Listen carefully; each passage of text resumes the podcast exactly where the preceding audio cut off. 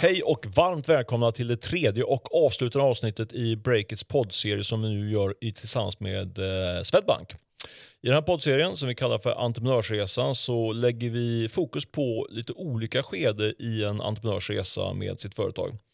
Uh, och mitt emot mig här i poddstudion så har jag som vanligt, du får vi säga numera, vi kör tre gånger nu Sofia, eller hur? Det stämmer. Sofia Wallén heter du, uh, ska prestera ordentligt. Uh, du har varit med oss i två avsnitt precis, och, men då, om man till äventyrs inte lyssnar på alla avsnitt eller om man, ja, man glömt bort lite grann, vem är den där Sofia Wallén? Du kan väl presentera dig? Ja, vem är jag? Ja. Sofia Wallén heter jag och arbetar till vardags med serviceutveckling för Swedbanks företagskunder. Känns tryggt att ha det här i studion och få hjälp i, eh, i den här lilla djungeln det är att driva företag får man nog säga. Mm. Uh, för på Swedbank så träffar vi nu entreprenörer som befinner sig i rätt olika faser av sitt entreprenörsliv och i detta avsnitt ska vi prata om ett väldigt speciellt skede, nämligen exit-skedet. Hur känner du inför det? Ja, det är ett speciellt skede, så kanske inte alltid lika inspirerande i sig, men ofta nödvändigt steg att ta eh, och som också kan skapa många fina nya möjligheter. Ja, inte lika inspirerande, kan du utveckla det? Ja, jag tänkte också på det här med det inspirerande i att kanske lyfta sin egen affärsidé till nästa steg. Det kan ju vara inspirerande, men det kan ju också vara ett avslut på någonting um, som, som man har jobbat med länge. Så nästan start på en separation. Mm, mm. Det kan jag faktiskt relatera lite till. Vi, vi gjorde ju en uh, exit här i våras på Breakit. Uh, inte en de, men delexit var det, jag sålde bara mm. några procent. Men, det, uh, men just den processen då när man, när man går in i en sån här process som kan vara väldigt långvarig. det drar igång ganska mycket funderingar då kring nästan så här lite så här existentiellt faktiskt. det heter ju exit, mm. existentiellt. Och i samband med det där så skrev jag en text som just om det här begreppet exit-depression faktiskt Eh, det var ganska nytt för mig då. Eh, känner du till det begreppet? Eh, ja, nu gör jag ja. det. Och också efter att du har, du har skrivit den, självklart. Mm. Men vill du berätta lite mer? Det låter jätteintressant, just nytt begrepp på marknaden. Ja, ja men verkligen. Eh, nej, men det handlar ju helt enkelt om att man... Eh, jag, jag pratar med flera entreprenörer som, som har faktiskt upplevt, upplevt det här eh, depressiva tillståndet. faktiskt. Eh, och Det handlar mycket om att man bygger sitt företag och bara kör, kör, kör, gasa, gasa, gasa och sen så går man in i en väldigt intensiv eh, försäljningsprocess där det också är gasa, gasa, gasa för att få ordning på allting liksom, i tid. Mm. Eh, och sen när man väl har sålt så fick man kanske en jättehög med pengar på banken men det blev väldigt tomt. vad ska man göra nu? Man har liksom levt sitt företag. Eh, och eh, det där gör att en, faktiskt ganska många eh, slungas in i en depression. Så det, det är liksom det som kallas för exit-depression. Mm.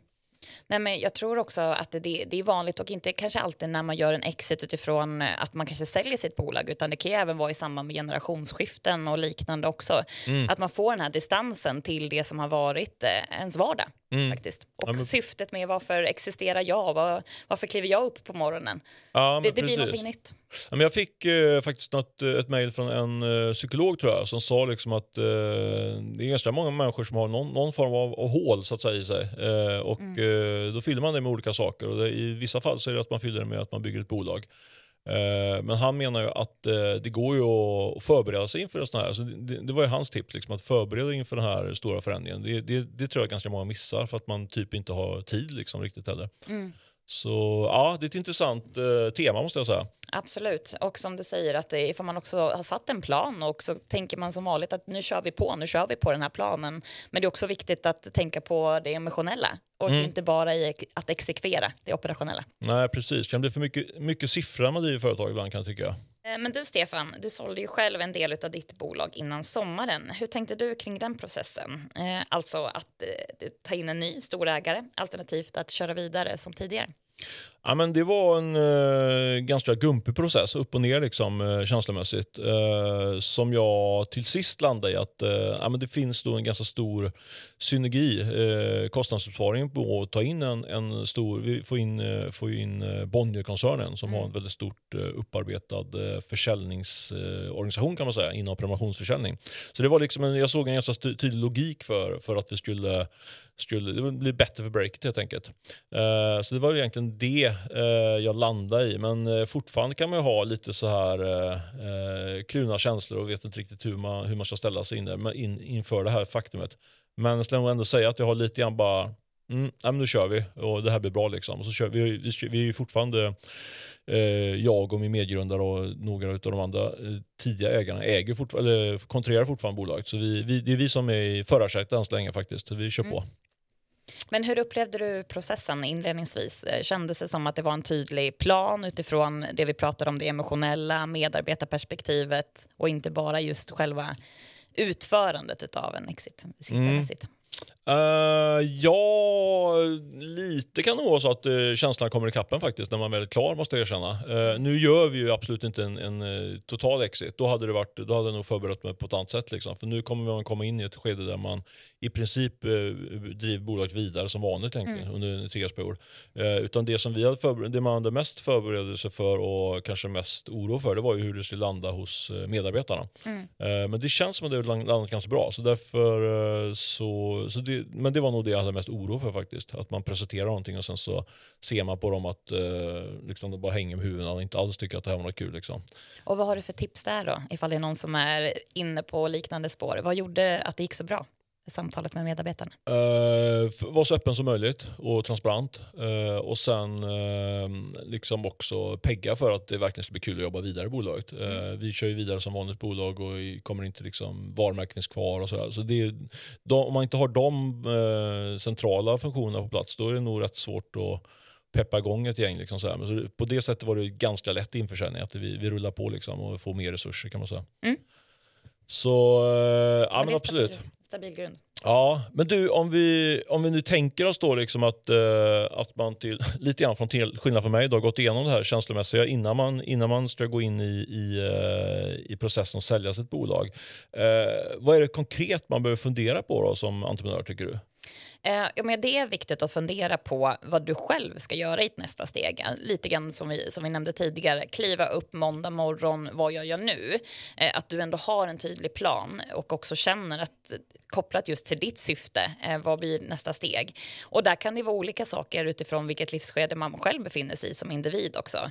Eh, är det att investera, investera pengarna man kan få utifrån en försäljning av bolaget i någonting helt nytt? Du kanske har en helt ny affärsidé som du börjar få lite glöd och, och brinna för och vill ta vidare? Eller mm. är det så att du vill säkra hem en avkastning och göra någonting helt annat i, i ditt liv? Eller ska man göra faktiskt att man ändå är fortsatt kvar i bolaget och eh, skapa sig en, ändå en framdriftsroll, om man kan uttrycka sig som det. Antingen kan man ju ha en, en vd-roll eller kanske någon senior rådgivare eller också vara en del av styrelsen då eh, framåt också för att faktiskt då fortsätta driva affärsidén som man har levt med ett tag och fortsätta blomma.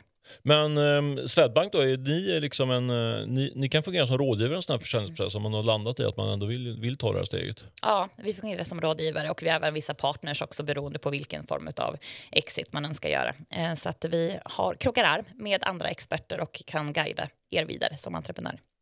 Det är ganska vanligt att entreprenörer i ett första skede bara säljer en del av sina aktier och sen jobbar kvar ytterligare några år, som jag till exempel. Då. Eh, I det läget, då, jag är lite egoist här för jag passar på att ta råd även för min egen del. Då. Alltså om man är i det läget att man ska jobba vidare några, några år kvar, jobba, inte jobba, vad säger man, jobba vidare några år ytterligare.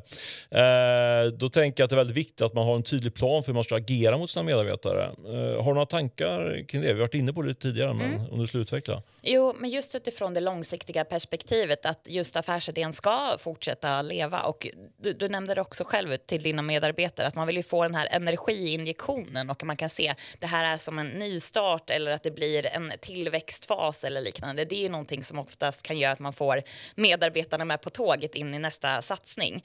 Eh, och det, där tror jag också att det är viktigt att man också ser till vilken fas går nu bolaget in i.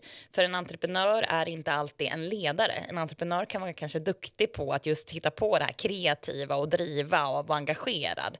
Men när ett bolag växer och det blir väldigt många fler medarbetare då är det mycket mer ett operativt ledarskap som, som kan också komma in. Och då är det utifrån vilken människa är jag eh, och hur ska jag vara en del av det här framåt? Man kanske har de här egenskaperna, absolut. Då kan man ju fortsätta vara vd eller vice vd eller liknande. Eller så kanske man ska plocka in någon. Eh, också är man då själv en senior rådgivare eller sitter kanske som styrelseledamot eller ordförande. Det kräver lite, måste man, någon form av självinsikt lite grann på vad man själv kan leverera på som entreprenör i bolagets olika skeden så kan man säga kanske. Ja, jag tror att det faktiskt är en riktigt god idé mm. för att också då säkerställa att affärsidén lever vidare. Intressant. Eh, du, då hoppas jag att vi fått med oss de viktigaste delarna för att göra både en bra exit och även då förhoppningsvis undvika en depression, för det vill man ju inte ramla in i efter att affären är stängd. Eh, tror jag i alla fall. Är det något jag glömt? Eh, nej, men det känns som att eh, vi har tagit upp det viktigaste eh, och eh, det finns ju ändå möjligheter i, i alla de här lägena vi har varit inne på. Så ändå tänk positivt även om vi pratar just om exit depression. Ja, ja, ja precis. Men det är, så är det livet. Det går upp och ner. Det gör det. Du, eh, nu har det blivit dags att runda av den här eh, specialpoddserien som Breakit som vi gjort tillsammans med på Swedbank. Eh, jag tycker det varit väldigt intressant och lärorikt måste jag säga. Hur har det känts för dig? Har det känts som att leda en, en blind eller någonting? Eller hur har det känts att ha mig här i studion? Mm. Nej, men det är fantastiskt spännande och väldigt lärorikt måste jag också säga. Så det, det, är givande från flera håll och även för er som lyssnar får jag hoppas. Ja, det hoppas vi verkligen. Eh, stort tack alla ni som lyssnat och eh, glöm inte att lyssna på Breakits ordinarie podd som eh, ges ut på torsdagar runt 15-snåret. Eh, så skriv in det i kalendern och eh, jag tackar för mig och eh, hoppas att vi hörs snart igen. Ha det så bra! Ha det gott. Hej hej!